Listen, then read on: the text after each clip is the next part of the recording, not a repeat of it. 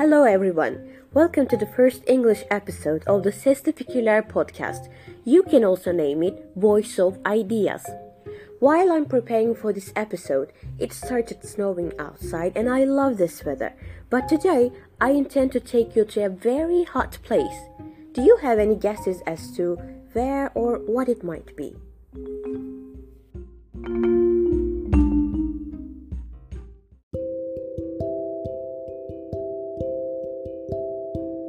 Well, now I do think that you already know where we are headed in our imaginary world Giza, Egypt. I always get fascinated by the enchanted conspiracies about the pyramids there. Rumor has it that it is a maze that the people who enter in that triangle building will be lost or mad. But this is only a rumor, right? Let's see. There have been at least 118 Egyptian pyramids identified so far. That's a shocking number when most people know the famous three. Yes, I'm talking about the ones in Giza. They were built approximately 4,500 years ago. And when it comes to the question as to how it was built, nobody knows how. It still preserves its mystery.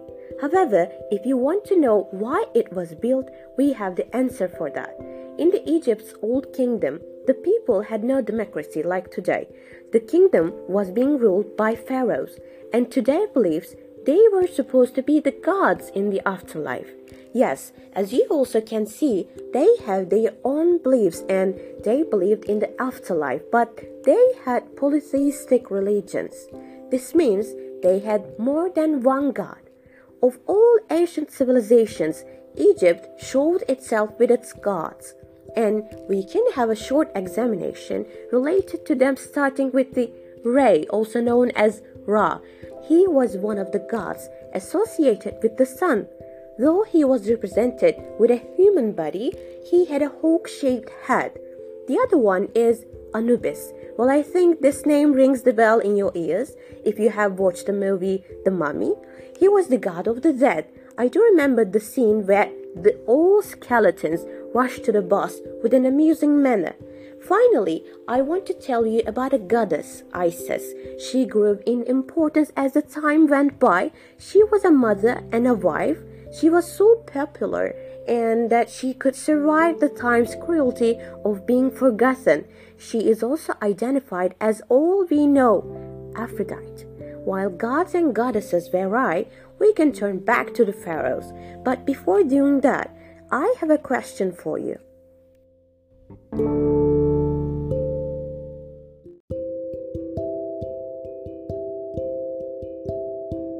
Would you ever like to have your tomb built even before you die? Since what Pharaoh Khufu did was exactly this making a gigantic tomb for himself. Following his father's steps, Khufu's son Pharaoh Khafre made the second pyramid in Giza but his father's was bigger than his. And the third pyramid of Giza was erected by Pharaoh Menkaure. His pyramid was smaller than the previous ones, though. These pyramids hold a great deal of hints as to how the ancient people lived.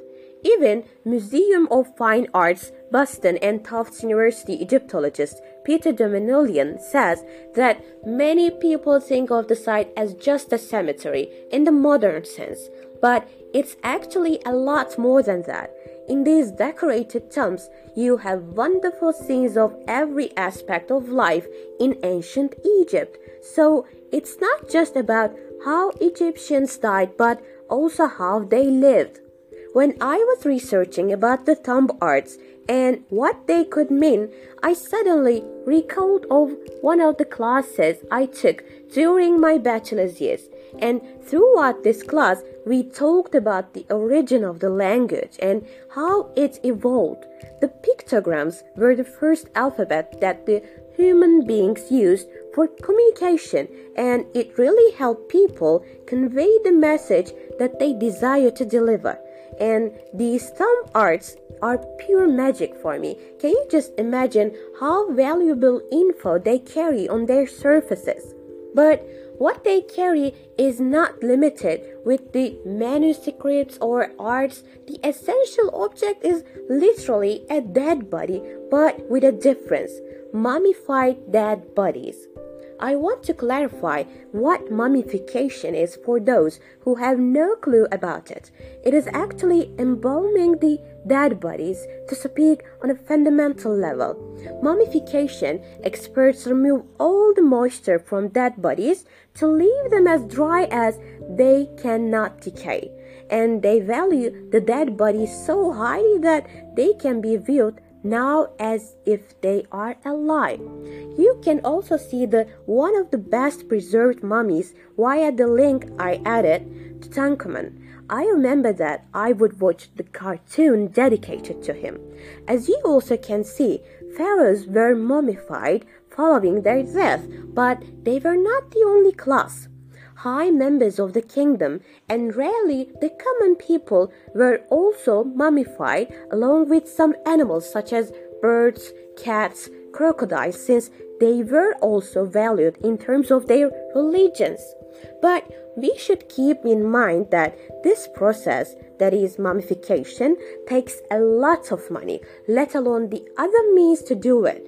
It was very limited. In addition to this episode, I want to give a bonus fact. The only pyramids are not only in Egypt. Where do you think they might be? Well, Americas. Yes, you heard just right. The Mississippians were a great civilization dating back to 800 1600 CE and they were talented farmers. So they cultivated the land with great tools comparing with the time. Although not much is known as to what they believed in, what were they called, in North America they created at least 109 mounds resembling with the pyramids in Egypt. Even the biggest of them had the same expansion area as the Great Pyramid in Giza.